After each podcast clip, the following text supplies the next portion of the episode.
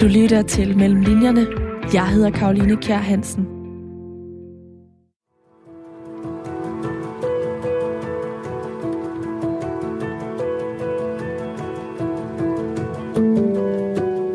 I San Francisco i USA bor Ea. Hun flyttede derover, da hendes mor døde, og derfor vil nogen nok kalde det en flugt. Men sammen med fotografen Hector og hans datter Coco har hun nu skabt et liv derovre. Da spørgsmålet om, hvorvidt hun egentlig selv vil have børn, melder sig på banen, opsøger hun en klavoyant. Hun skal fremkalde Eas afdøde mor. Men det går ikke helt som forventet. Derfor tager hun kontakt til sine mindre søskende Sissel og Nils, som stadig bor i Danmark. Over fem dage i april forsøger de tre søskende at nærme sig og finde hoved og hale i familiens fortælling og svare på, hvorfor forbindelserne de egentlig blev brudte. Det er de her fem dage, der danner rammen om romanen Hummerens Skjold, som er den bog, jeg i dag dykker ned mellem linjerne i. Og det gør jeg sammen med dig, Karoline Albertine Minor, fordi du er forfatteren bag. Rigtig hjertelig velkommen til Mellem Linjerne her på Radio 4. Tak skal du have. Karoline, du har jo selv været til klaverjant, imens du skrev bogen. Jeg håber ikke, at det mislykkedes lige så meget, som det gjorde i uh, Eas tilfælde. øh, nej, det gik, det gik fint. Det gik bedre for mig. det var godt. Ja. Besøg hos en klaverjant, det er jo bare et element i researchen til Hummerens Skjold. Du øh, er blandt andet også dykket ned i stenkonservering. Du har talt med en plakatopsætter, og så har du ikke mindst været på en rejse til San Francisco, som netop er den by, som Eva hun bor i. Sidstnævnte glæder jeg mig særligt til, at du kan tage mig tilbage med til, fordi øh, nu hvor landegrænser, eller bare lande, er så nedlukket, øh, som de er, og gør, at selv du og jeg, vi ikke kan kan mødes, men må optage det her på afstand, så har jeg altså noget af en rejseløst. Men øh, vi skal nok forsøge at komme omkring så meget af din research som muligt de næste 55 minutter, fordi det her det er programmet mellem linjerne, hvor jeg taler med nogle af Danmarks dygtigste forfattere om alle de forberedelser og oplevelser, de har gjort sig og haft i arbejdet med bøgerne, og som altså ligger mellem linjerne i bøgerne. Og i dag så er det altså arbejdet mellem linjerne i Hummerens Skjold af dig, Karoline Albertine Minor. Først så skal vi dog traditionen tro tale lidt om, hvordan du egentlig fik ideen til at kaste dig ud i arbejdet med Hummerens Skjold. Øhm, det her det er jo en bog, som jeg i introen øh, antyder, handler om familieforhold. Det er familieforbindelser og deres indbyrdes fortællinger, som står i centrum. Men den tager afsæt i de her tre søskende, Ea, Sissel og Nils. Og derfor så oplever jeg det i høj grad som en fortælling, der handler om søskende relationen. Den søskende relation, som du beskriver i Hummerens Skjold, den ligger meget fjernt fra mig, fordi jeg har et meget nært forhold til min egen lille søster. Og det ved jeg, at du også har. Så hvordan fik du egentlig ideen til det søskende forhold, der udfoldes i Hummerens Skjold? Øh, og var det egentlig overhovedet der, ideen den øh, kom først? Jeg tror faktisk, den allerførste idé, jeg fik, altså aller, aller, allerførste, øhm, var, øh, var en idé om at skrive øh, om, øh, det stammer det et bil, altså det lyder så højstemt, men det er et bibelcitat, som, øh, hvor der bliver sagt et sted i Bibelen, at man kan vide alt, hvad der er ved at vide om et folk, øh, ved at se på, hvordan de behandler enken, den faderløse og den fremmede. Og så fik jeg den her idé om, at man kunne bruge de her karakterer til ligesom at, øh, øh, eller de her arketyper, til at øh, basere nogle karakterer på, og så på en eller anden måde lade dem bevæge sig rundt. Så det var den her tredeling, den havde jeg ligesom derfra, tror jeg.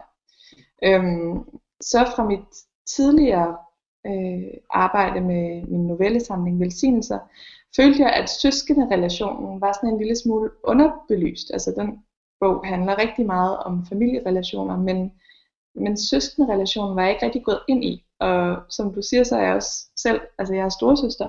Øhm, og, og jeg synes, det er en meget sådan en, en sær og, og ret vidunderlig øh, relation i, i mit liv, fordi man både nærmest er forlængelser af hinanden, og også måske de mest forskellige, fordi man samtidig er så ens, øhm, og man er vidne til det samme liv fra to sådan lidt forskudte punkter.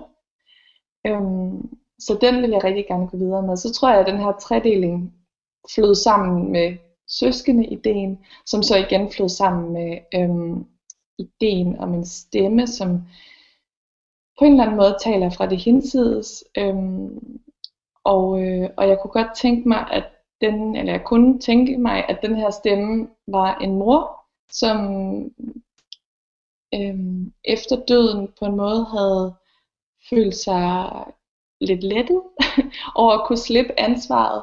Og da hun så bliver kaldt tilbage igen, så mærker hun både kærligheden, men også med kærligheden den her ekstreme tyngde, øhm, som hun ikke har savnet i den tid, hun var.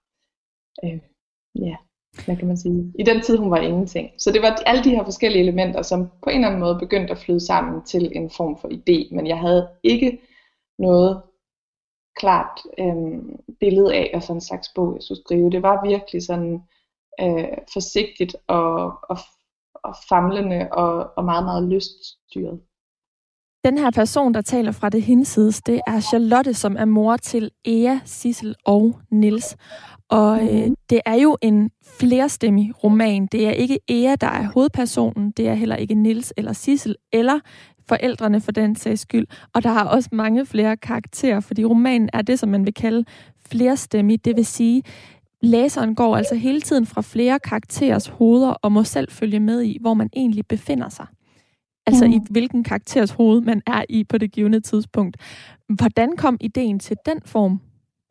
Jamen, øhm, det var også igen sådan et, øh, en følelse af at skulle noget andet fra det, jeg havde lavet tidligere. Øh, jeg havde skrevet en novellesamling, hvor øh, man, man kan sige, fra novelle til novelle skiftede man perspektiv, men inden for den enkelte novelle holdt jeg mig sådan meget stringent til øh, en jeg-fortæller, eller en nær tredjepersonsfortæller, eller hvad det nu kunne være. Øhm, og øh, efter jeg var blevet færdig med novellerne, så, læste, så var jeg sådan meget, længtes jeg meget efter at læse øh, sådan tykke romaner.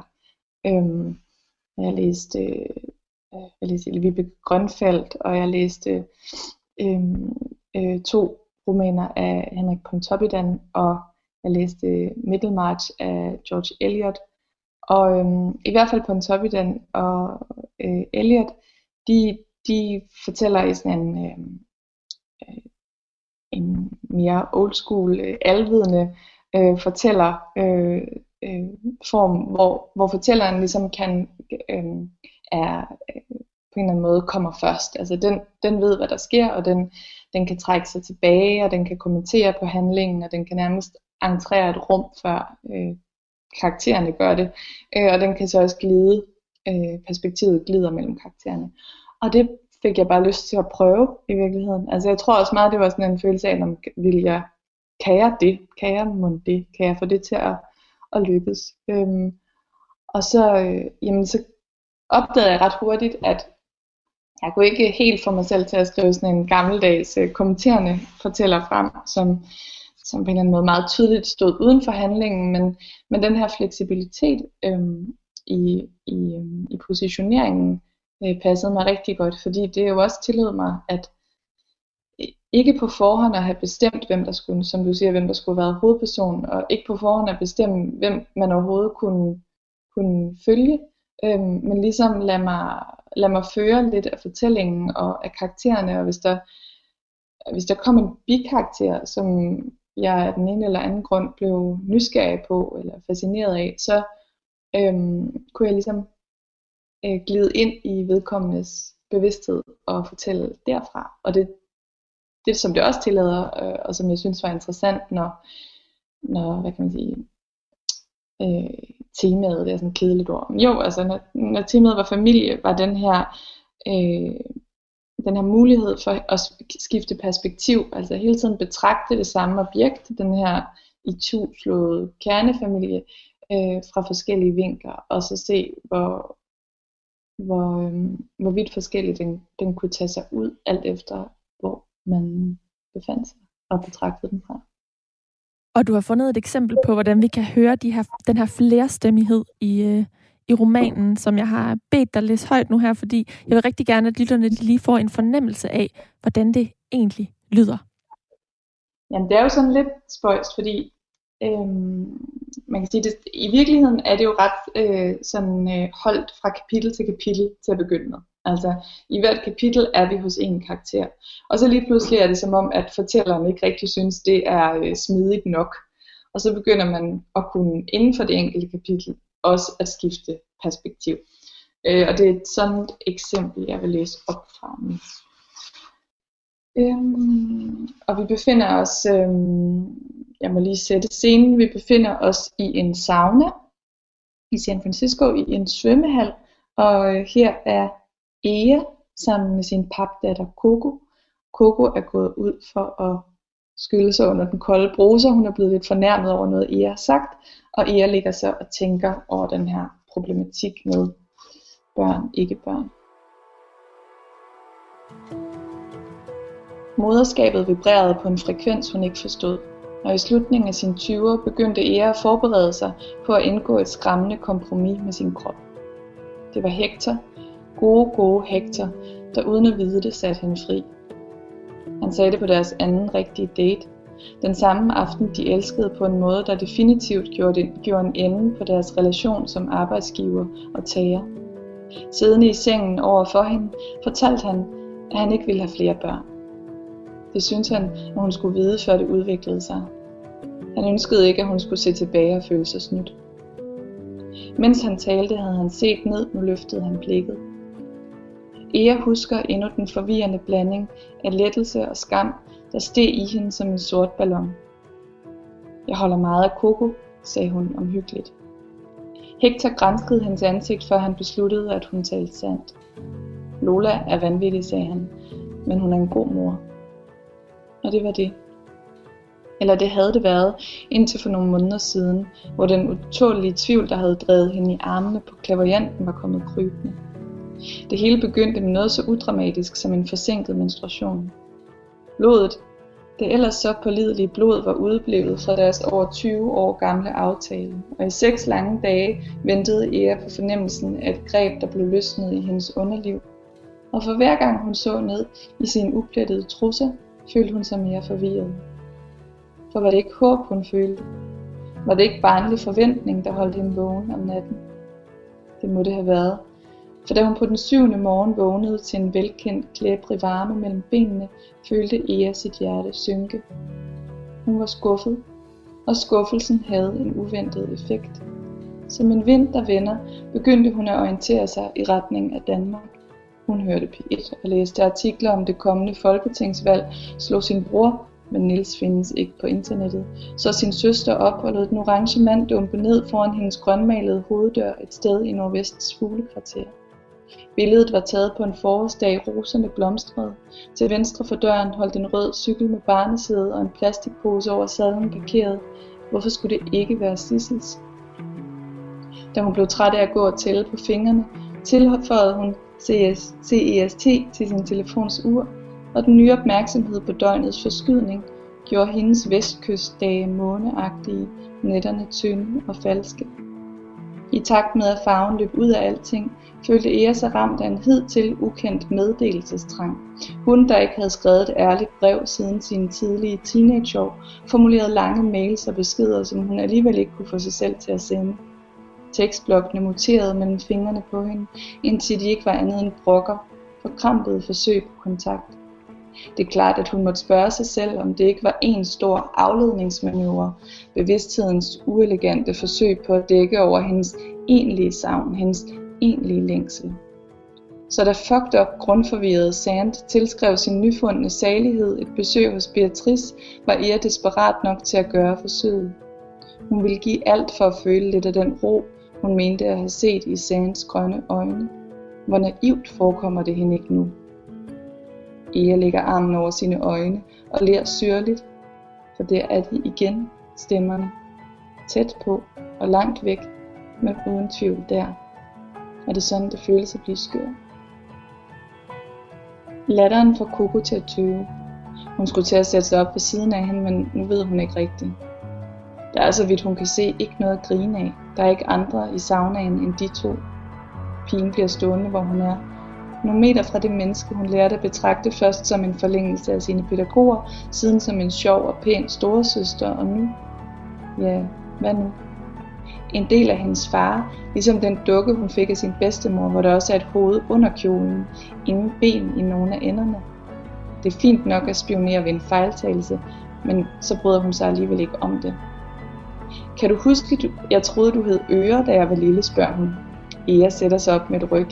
Hendes ansigt er smalt og hvidt som et stykke toastbrød i halvmørket. På en måde ville jeg ønske, jeg havde øje. Hvorfor? Coco kravler op på bænken. Eas hud lugter af klor og af den creme, hun bruger. Det går op for hende, at hun er sulten. Hendes mave er en tom spand. Ea har lovet hende, at de skal på buttermilk bagefter. Det havde hun glemt. Heldigt, heldigt. Nu har dagen fået en gylden tråd vævet ind i sig. Tak, Karoline. Som den opmærksomme lytter øh, bemærkede her i din oplæsning, så skifter den jo undervejs synsvinklen. Den går fra mm. Ea over til Coco. Og øh, det kræver noget af læseren, når man læser bogen her, fordi man hele tiden selv på egen hånd skal holde styr på, hvis hoved man er inde i. Men du fortæller, at du egentlig havde en anden idé i, i begyndelsen med at have sådan en mere alvidende fortæller, øhm, og at det så udviklede sig til den her form. Hvordan føles det for dig som forfatter, at, at øh, overlade styringen til teksten på den måde, øhm, og, og ligesom lade den forme sig selv, når du nu havde den her lidt konkrete idé i begyndelsen? Øhm, jamen, i virkeligheden er det den del af det, som jeg holder mest af, og jeg tror i virkeligheden, altså jeg tror også, det er derfor, jeg overhovedet øh, gider skrive. Altså at der er et eller andet element af uforudsigelighed, eller et element af noget, som man ikke selv mm, helt er herre over. Øhm, som gør, at, at processen øh, jamen, føles meget sådan fleksibel og, og formbar og, og, og uforudsigelig. Fordi jeg tror, at hvis jeg hver gang jeg satte mig ned og havde planlagt at skrive noget, hvis jeg bare satte mig ned og gjorde det, så ville jeg meget hurtigt blive træt af det. Øhm, og jeg øh, læser også på universitetet, hvor jeg skal aflevere eksamensopgaver og sådan noget, og det er jo, det er jo meget sådan, at man, man får en idé til en opgave, og man laver en struktur, og så udfylder man den. Øh, og det fylder mig bestemt ikke med den samme glæde, som, som det gør at skrive øh, øh fiktion. Øhm, og det er bare den her uforudsigelighed. Og ja, det, der, det er i det, som ikke er mig. Altså det er i det, som jeg ikke kan tænke mig frem til. Øhm, gør det sjovt. Det, som skrivning, forfattergærningen trods alt har øh, til fælles med øh, det akademiske, det er, at du læser antropologi på universitetet, det er, at du mm. researcher til begge dele. Og nu synes jeg, vi skal prøve at gå lidt mere ned i, hvordan du researchede til romanen her. Du lytter til Mellem Linjerne. Jeg hedder Karoline Kjær Hansen. Og for de nytilkommende lyttere, så kan jeg sige, at jeg i dag taler med Karoline Albertine Minor om romanen Hummerens Skjold. Det er en roman, man overordnet kan sige handler om familiemytologier, altså de fortællinger, som præger familier og bærer familieforhold frem. Men mere specifikt så handler den om familien Gabel og de tre søskende Ea, Sissel og Nils, som er glædet fra hinanden efter deres forældres død, men som over fem dage i april forsøger at nærme sig hinanden på ny. Og Karoline, nu har vi lige talt om, at øh, dit eget søskendeforhold er øh, noget anderledes end det, der udspiller sig i romanen. Øhm, og du har også udtalt, at det her faktisk er din mindst selvbiografiske bog. Så hvor mm. begyndte du egentlig din research? Mm, hvor begyndte jeg min research? Jamen det, øh, det sker meget sådan øh, ad hoc og løbende med, at jeg skriver. Øh, at der melder sig nogle spørgsmål. Ofte er det øh, nogle detaljer, jeg ikke kender til, og som jeg så derfor ikke kan skrive frem på en overbevisende eller sanselig måde. Og så må jeg ligesom ty til til noget research. Jeg havde sådan en, en lidt større øh, research-opgave foran mig i den her bog. Jeg havde en idé om, at den skulle handle meget mere om internettet, end den kom til faktisk. Øh, det var en af mine idéer, også i starten, øh, inden jeg gik i gang. Altså, at jeg, øh, jeg vil godt forstå sådan rent fysisk eller materielt, hvad internettet var. Øhm, og øh, sat, øh, hørt hørte en utrolig lang, utrolig nørdet podcast om internettets historie, og øh, købte billetter til San Francisco for at tage til Silicon Valley, og, og ligesom, ikke fordi jeg havde tænkt, at jeg kunne spørge nogen der, men altså, jeg ville, jeg ville ligesom se stedet, det var, det var opstået. Øhm, og så viste det sig så, da jeg kom til San Francisco, at jeg ikke turde køre bil, og derfor ikke turde ligesom kunne bevæge mig fra San Francisco til Silicon Valley, for der var altså længere, end jeg lige havde troet, og de har jo ikke noget offentlig transport. Så jeg blev i San Francisco og, øhm, og flyttede ind tilfældigt hos øh, nogen, øh, jeg ved ikke engang, hvordan jeg kom i kontakt med dem. Nå, men i hvert fald hos en, en kvinde og hendes kæreste og kærestens datter. Og boede der i fire dage. Øhm, og lå mig inspirere af dem i stedet for. Men det er jo ikke, øh, det er ikke internettet, der er kommet med. Det er noget helt andet, der du tog med fra USA der, så du lader dig virkelig overlade til øh, uforudsigeligheden, både i skriveprocessen, men også i din research-proces. Det er rigtigt. Men altså, jeg tror, at øh, for overhovedet at kunne skrive, og for at skrive noget, jeg selv er tilfreds med, så skal der være et eller andet sådan element af, af sådan, altså noget så banalt som fascination med. Og, og derfor bliver jeg også bare nødt til at lade mig sådan øh, fører derhen, hvor jeg nu fascineres eller bliver nysgerrig.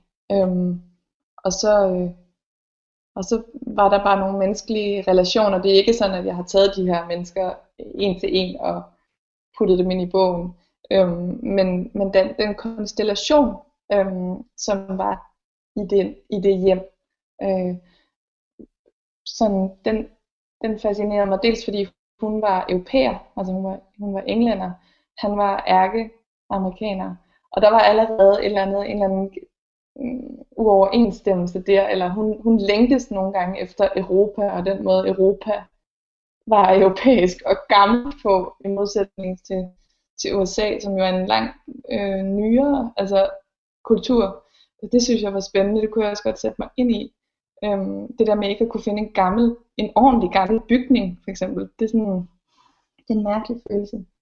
Øhm, og så selvfølgelig det her med, med papdatteren. Jeg, jeg talte aldrig med hende om det her med børn, så det er noget, jeg selv har, øhm, har tilføjet. Altså hele hendes psykologi er jo noget, jeg har bygget op. Så jeg har egentlig bare taget skelettet af deres liv på en måde, hvis man kan sige det sådan, og, og så fyldt på. Og så selvfølgelig omgivelserne, huset. Ind i mit hoved er det, er det deres hjem, som jeg skriver fra. Men det kan andre jo ikke se. Men hvad var det helt præcis, der fascinerede dig ved, den, ved det her par, som jo så ender med at blive Ea og Hector øh, i Hummerens skjold?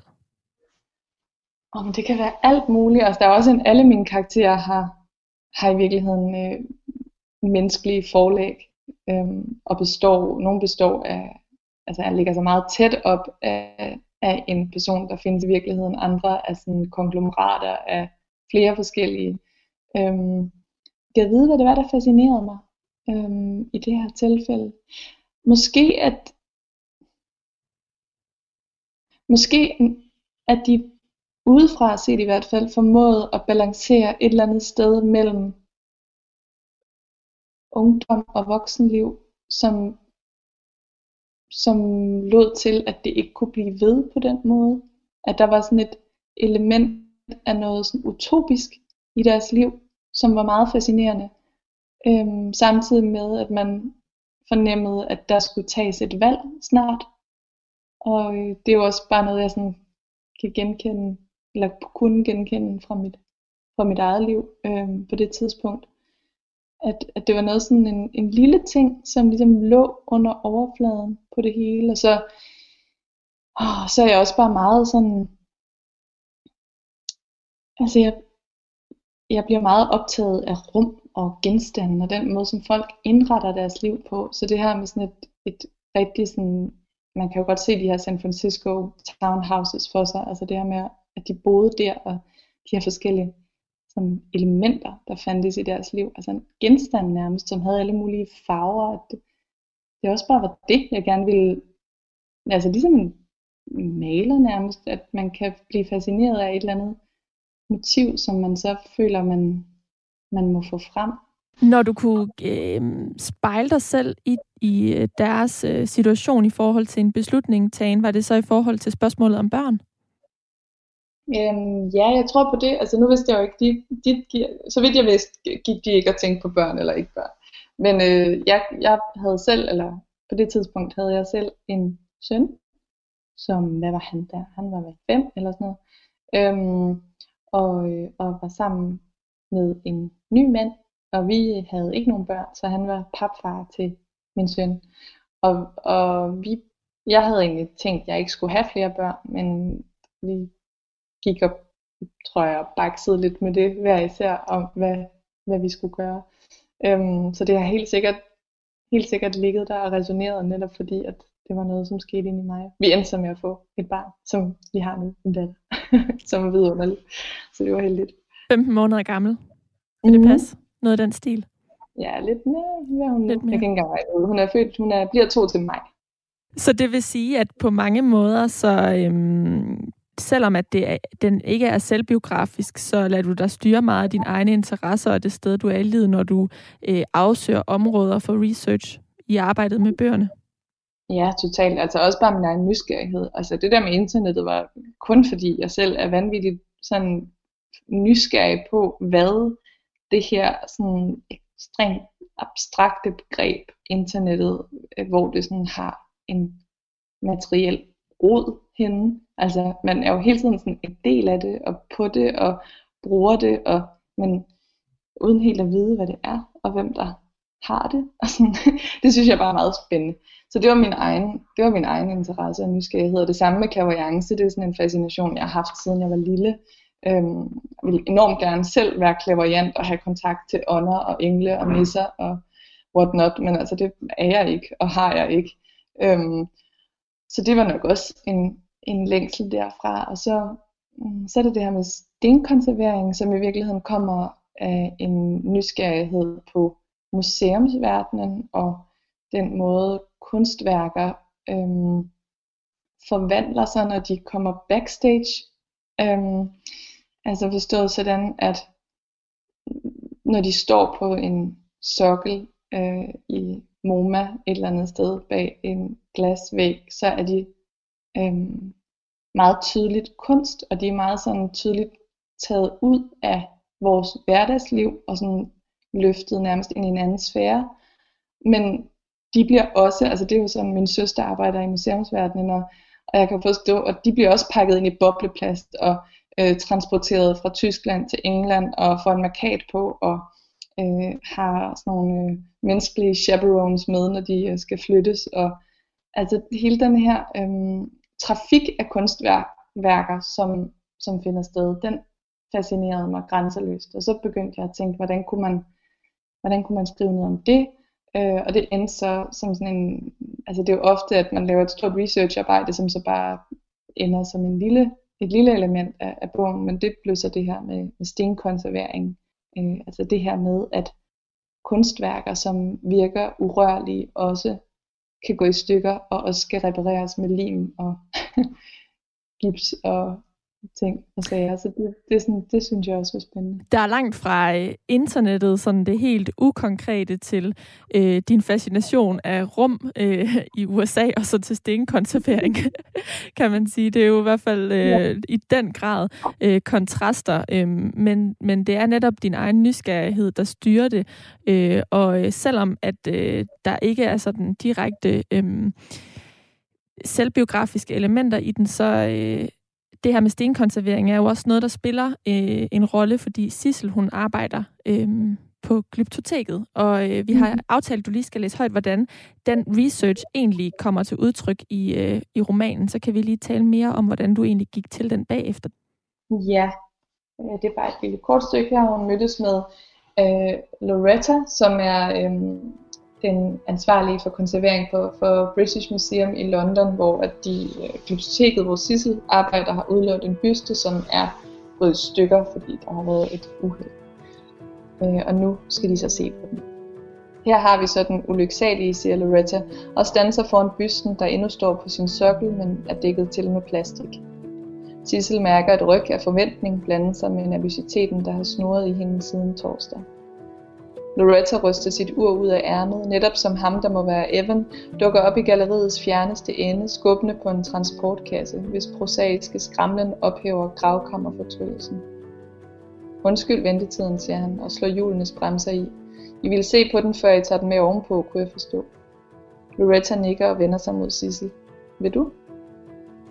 Men nænsomme bevægelser løsner hun tildækningen og konstaterer, at det kunne være meget værre. De store afslag i slørkanten og næsen og de mindre i pandens hængesmykke og højre hånds fingre var der allerede, da skønheden fra Palmyra kom i den danske arkeolog Harald Ingolds besiddelse under arbejdet med at udgrave oasebyens sydvestnekropol i slutningen af 1920'erne. Men det var hverken Ingold selv eller en af de franske arkeologer, han arbejdede sammen med, der fandt den.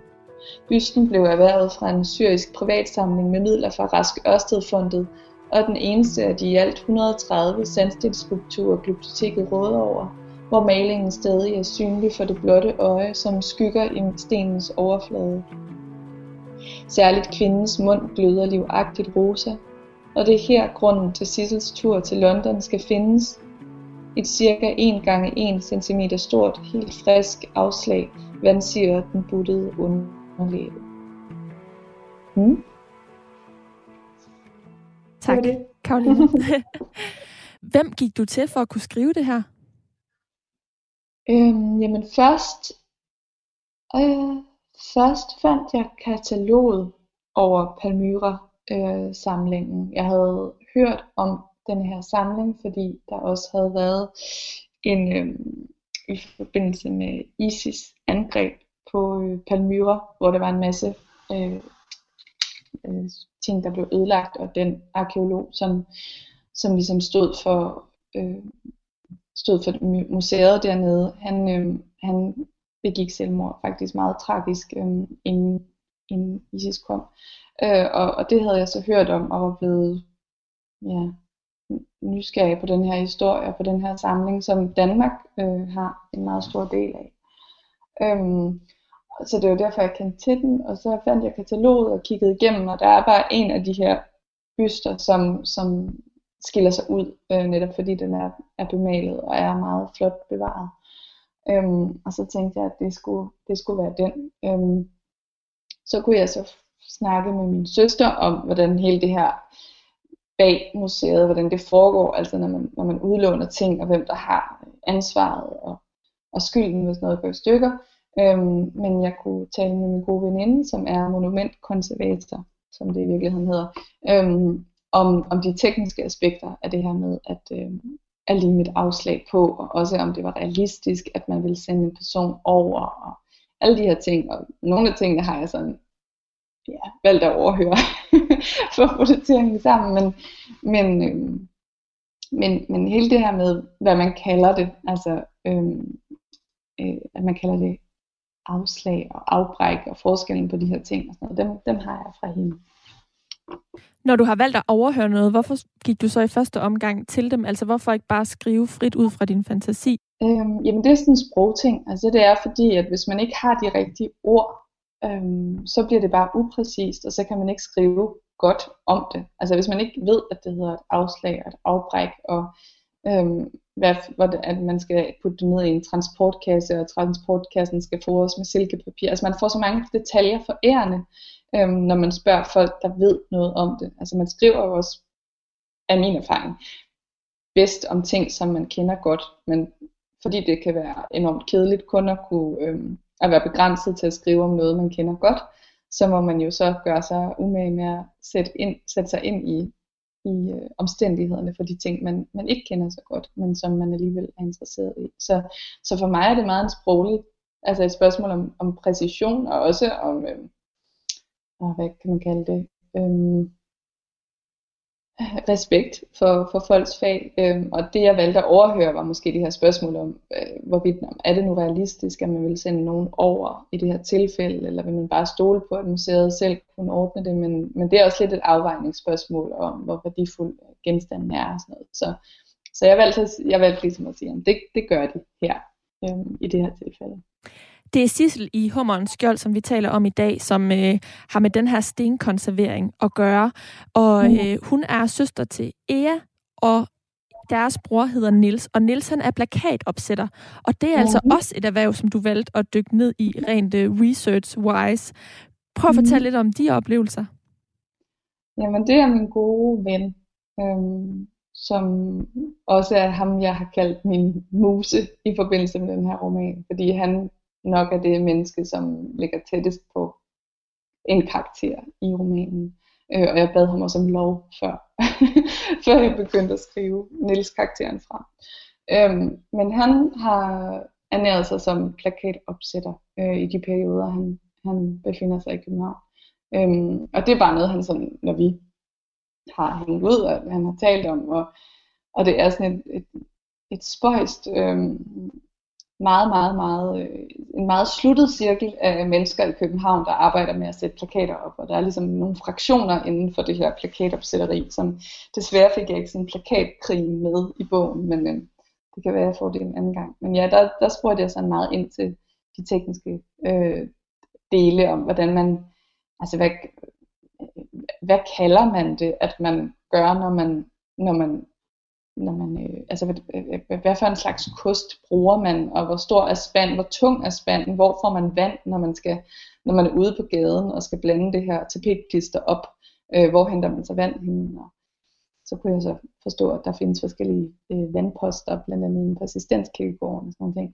Øhm, så, så ham brugte jeg til det her, men det fylder jo, det fylder jo i virkeligheden heller ikke øh, så meget i romanen, men, men jeg spurgte ham også til råds øh, andre gange, når jeg når jeg skulle sætte mig ind i, i Nilses måde at tænke på og kunne mærke, at jeg kom til kort. Så for eksempel havde jeg brug for at øh, forestille mig, hvor han ville tage et barn hen, fordi han var træt, han skal passe sin niece, mens øh, Sissel er i London.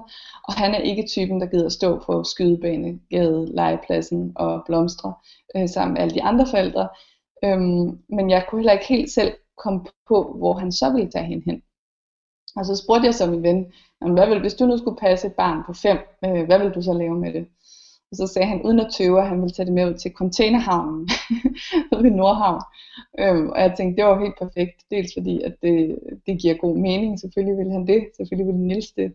Øhm, men også bare fordi, det var et, et dejligt sted at, øh, at beskrive. Altså for mig at skrive frem.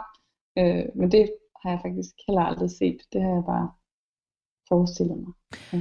Hvordan var det at spørge din ven her, om du måtte bruge ham som afsæt til en karakter? Fordi jeg kunne forestille mig, at nogen vil blive meget beæret, og andre måske fornærmet. Øhm, og derfor kan situationen måske være lidt svær at gå til.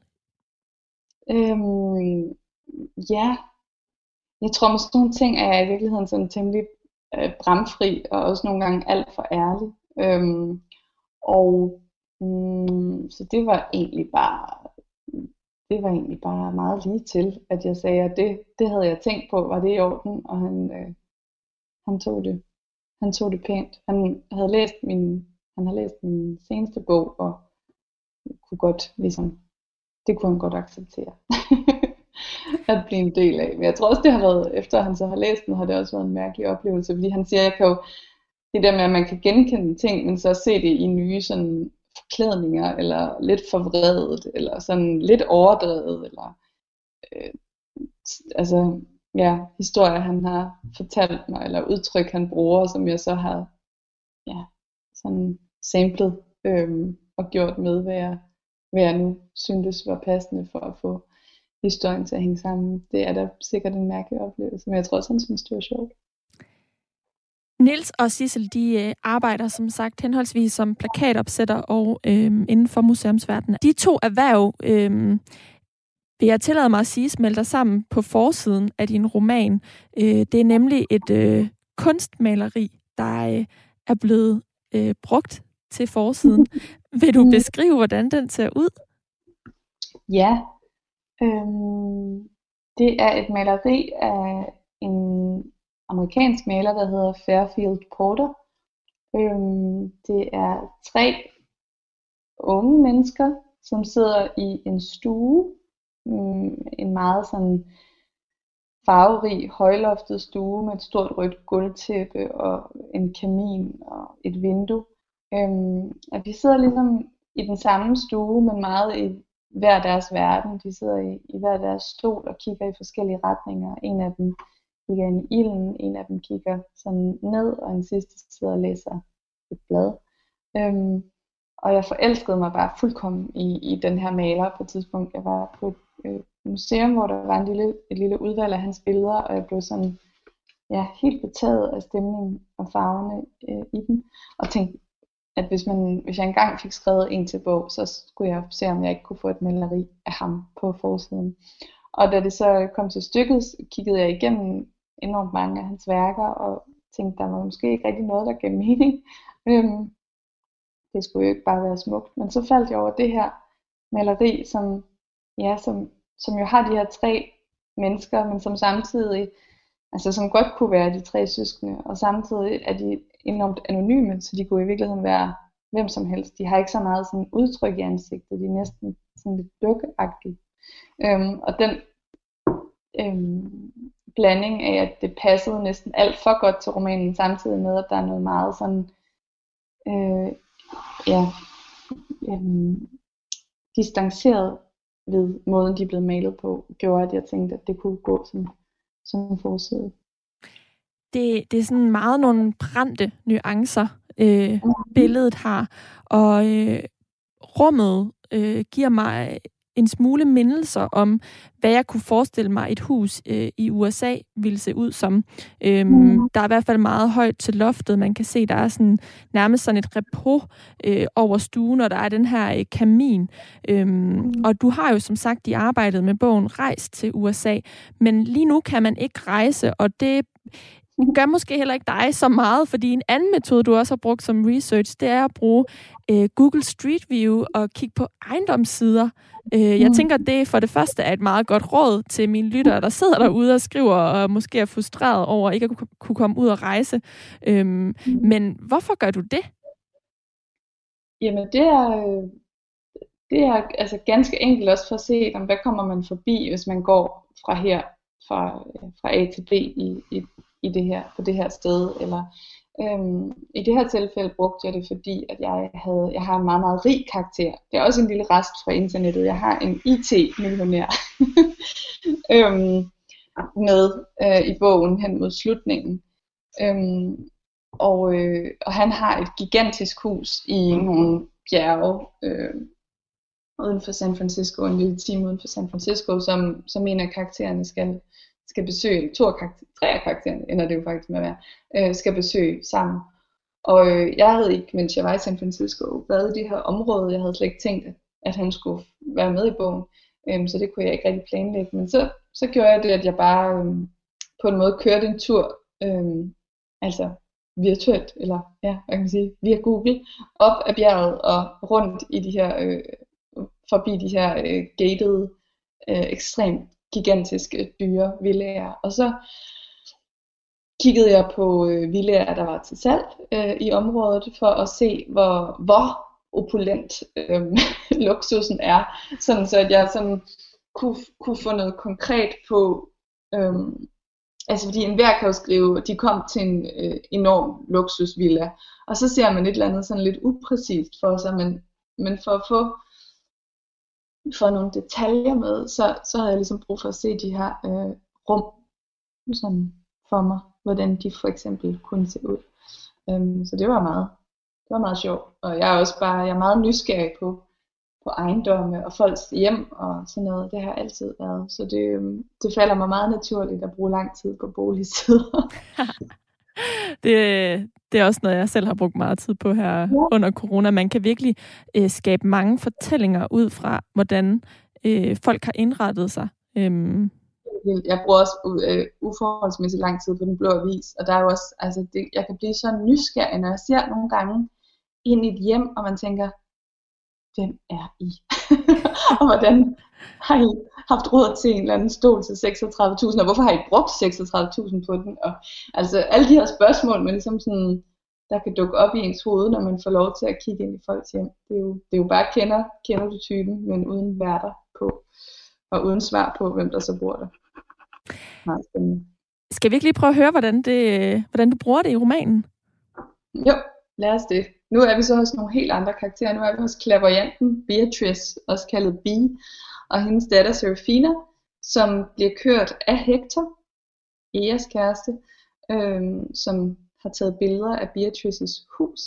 Det hele er meget forviklet. Øhm, de skal køre øh, op til, øh, til en mand, som Serafina mener er hendes far. Øhm, hun har fundet frem til ham. Hun har altid fået at vide, at hun var donorbarn, men har så ligesom via internettet øh, fundet frem til den her mand, øh, som hun vil kontakte. På den sidste halvdel af turen bliver omgivelserne mere velhavende for hver kilometer de tilbagelægger, og Bee må til sidst bede Serafina om at holde op med at sukke på den irriterende henførte måde. Det er ikke til at fatte, at der er nogen, der bor her, indvender hun, at de går i seng og vågner op i sådan et stort hus hver eneste dag. Jeg ved, om hans hus er lige så stort. Jeg tror ikke, der findes små huse i den her del af Kentfield, siger Hector dystert. Jeg tror ikke, der findes noget, der er småt overhovedet. Vi ser taknemmeligt på ham. Deres chauffør har indtil nu ikke sagt andet end det højst nødvendige. Han hader dem altså ikke, som hun var begyndt at blive nervøs for. Fifi snakker videre om biler og kanapper, springvand og glaserede tagsten, upåvirket af deres manglende entusiasme. Intet kan røre hende i dag. Hun har klædt sig datterligt på til lejligheden i mørkeblå nederdel og en kortærmet skjorte med kniplingekrave. Om flætningens ende er bundet en sløjfe af sort silkebånd. Hvis Bee skal være ærlig, ligner hun mere end nogensinde en forhekset porcelænsdukke, men Bee skal ikke være ærlig, ikke nødvendigvis. Og nu, hvor de er så tæt på målet, må også Fifi kunne fornemme, at det ikke er tøjet, det vil komme an på. Bee havde forestillet sig, at hun ville fortryde hele vejen. Det gør hun ikke. Det er ligefrem opløftende at bevæge sig så nådesløst fra tanke til handling. Her er det, nummer 660. Hector parkerer bilen for enden af en lukket vej, 10 meter fra den port, der skærmer William Catchpools ejendom fra resten af Gentfield. Det er altså ikke engang løgn, at han bor på et bjerg, tænker Bee, og ruller vinduet ned med håndsvingen. Hector slukker motoren. Luften heroppe er stille og duftende som i en skov. Bag en række cypresser kan man fornemme udsigten over Phoenix Lake og Mount Tamalpais. I vejkanten virrer insekterne omkring lupiners tætte blålilla blomsterklase. Der er ingen mennesker at se nogen steder, og ingen spor af dem, hvis man ser bort fra gidrene omkring deres tilbagetrukne domiciler. Hun har klædt sig datterligt på. Det elsker jeg bare, det, det udtryk. Og, og jeg bliver også helt glad ved tanken om at tænke på, hvordan du har øh, skrevet det her, mens du har fået en datter selv. Det synes jeg er meget, meget fint. øhm, det er jo Beatrice, der bor deroppe, og hun er klaverjant, og øh, du var også selv til klaverjant øh, i arbejdet med romanen her. Men, øh, men det endte du med ikke at bruge så meget, ligesom du gjorde med USA, eller du endte i hvert fald på USA-rejsen med at bruge noget andet derfra. Hvorfor, mm. øh, hvorfor brugte du ikke dine egne oplevelser øh, til at beskrive klaverjance-seancen i øh, Hormonskjold? Jamen, jeg tror dels, det var fordi, at den klaverjance, jeg gik til, ikke var sådan en... Øh øh, afdøde kontaktklaverance. Øh, det turde jeg ikke rigtigt. jeg gik bare til sådan en øh, almindelig klaverance, hvor man taler om sig selv, eller hvor klaveranten taler om, om dig. Øhm, og det minder egentlig mere om at være til psykolog. Det var faktisk det var enormt dejligt, meget anbefalesværdigt. Det var sådan en lidt, øh, som om man lige blev afsløret lidt, øhm, hvilket man jo godt kan have brug for en gang imellem. Øhm, men jeg tror, at grunden til, at jeg ikke brugte det, var fordi det var meget udramatisk og ikke, ikke specielt spændende, men i virkeligheden var det nok også lidt en undskyldning for, for at gøre det. Jeg har altid gerne ville, altså ligesom jeg altid gerne har fået, ville få lavet mit horoskop og sådan nogle ting, men min mor øhm, har meget stor respekt for sådan noget med, øhm, med, med ånderne, og, øh, og synes ikke, man skal, man skal blande sig for meget i det. Så hun har altid øh, frarådet mig det, men nu har jeg jo så opdaget, at jeg er blevet voksen, så kunne jeg bare selv selv gøre det, dog uden at sige det til hende før bagefter. Men, øhm, men ja, det, det var ikke specielt dramatisk eller specielt øhm, interessant øhm, på den måde for, for andre end mig. Så, øh, så jeg måtte sådan tænke mig lidt mere til, hvordan det må fungerede, når man, når man havde kontakt øh, med de afdøde. Og i øh, arbejdet med bogen er du jo også selv blevet mor, som vi har sagt et par gange. Øhm, mm. Og det påvirker både dine muligheder for at øh, rejse og researche, men det påvirker også din måde at kunne skrive på, altså selve skriveprocessen. Og jeg synes lige, vi skal prøve at nå at vende den her til slut. Du lytter til Mellem Linjerne. Jeg hedder Karoline Kjær Hansen. Og det gør du her på Radio 4, hvor jeg i dag taler med forfatteren bag romanen Hummerens Skjold. Det er dig, Karoline Albertine Minor. Det her det er en roman, der udkom i august sidste år, og jeg ved, at du allerede begyndte på den i 2017. Øhm, og du har faktisk også sagt, at den var ikke så svær at skrive, men der var alligevel nogle sådan lidt udfordrende tanker forbundet med selve skriveprocessen, fordi den også endte med at blive lidt langstrakt, fordi du jo blev mor i mellemtiden. Vil du fortælle lidt om dem? Ja, altså øhm, jeg har nok hele tiden vidst, at jeg ikke ville kunne øh, sådan hellige mig skrivningen 100%, fordi jeg også gerne ville øh, tage min, få min øh, bachelor. Så det var jeg ligesom opmærksom på, at, at sådan, sådan måtte det være, at, det, at de to ting sådan, øh, skulle findes på samme tid.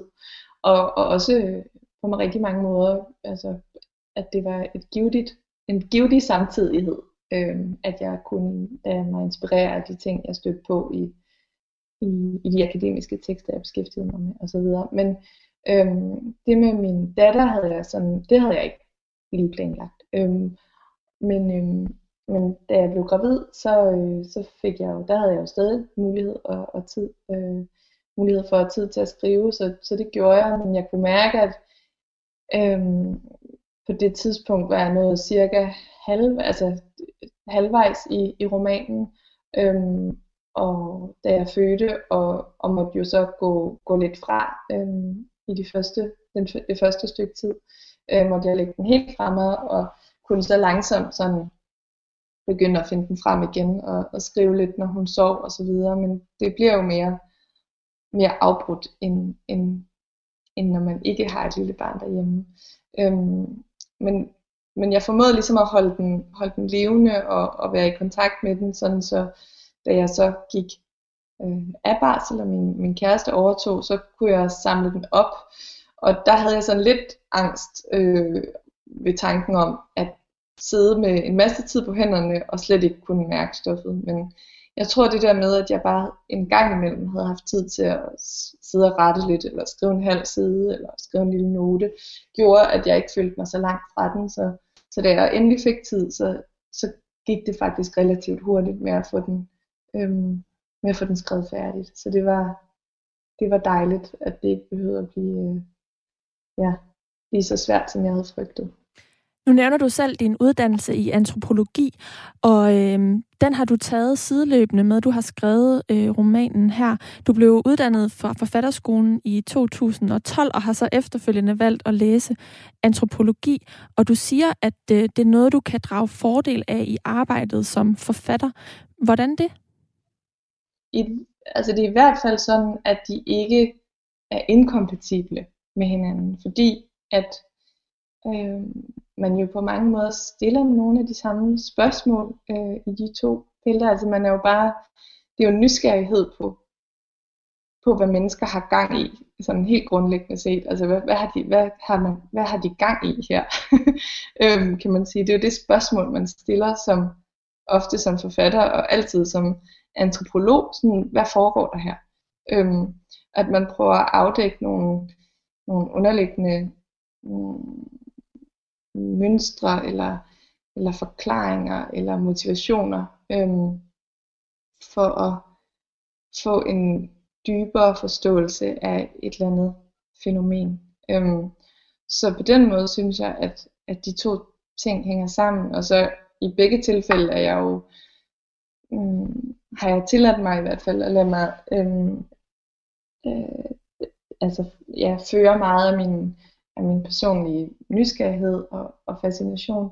Så, så de ting, jeg beskæftiger mig med i antropologi, øhm, er også noget, jeg sagtens kunne forestille mig at beskæftige mig med i, i fiktionen, fordi de jo, ja, jeg er jo det samme menneske, øh, der sidder og, og skriver, øh, hvad end det er en, en, en eksamensopgave eller en, øh, ja, en bog. Men, ja, mine interesser flyder, flyder meget sammen og flyder frem og tilbage mellem, mellem de her to sådan, domæner.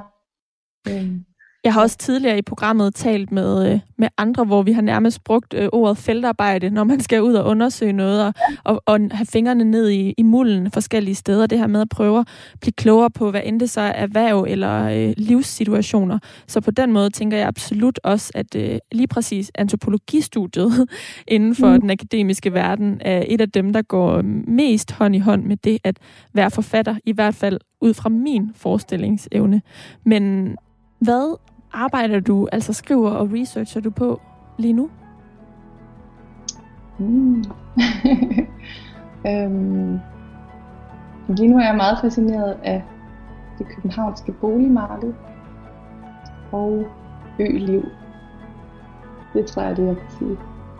Så, øh, så må du uddybe det næste gang. Forfatter Karoline Albertine Minor, jeg vil sige tusind tak, fordi du vil være med her i Mellem Linjerne på Radio 4 i dag.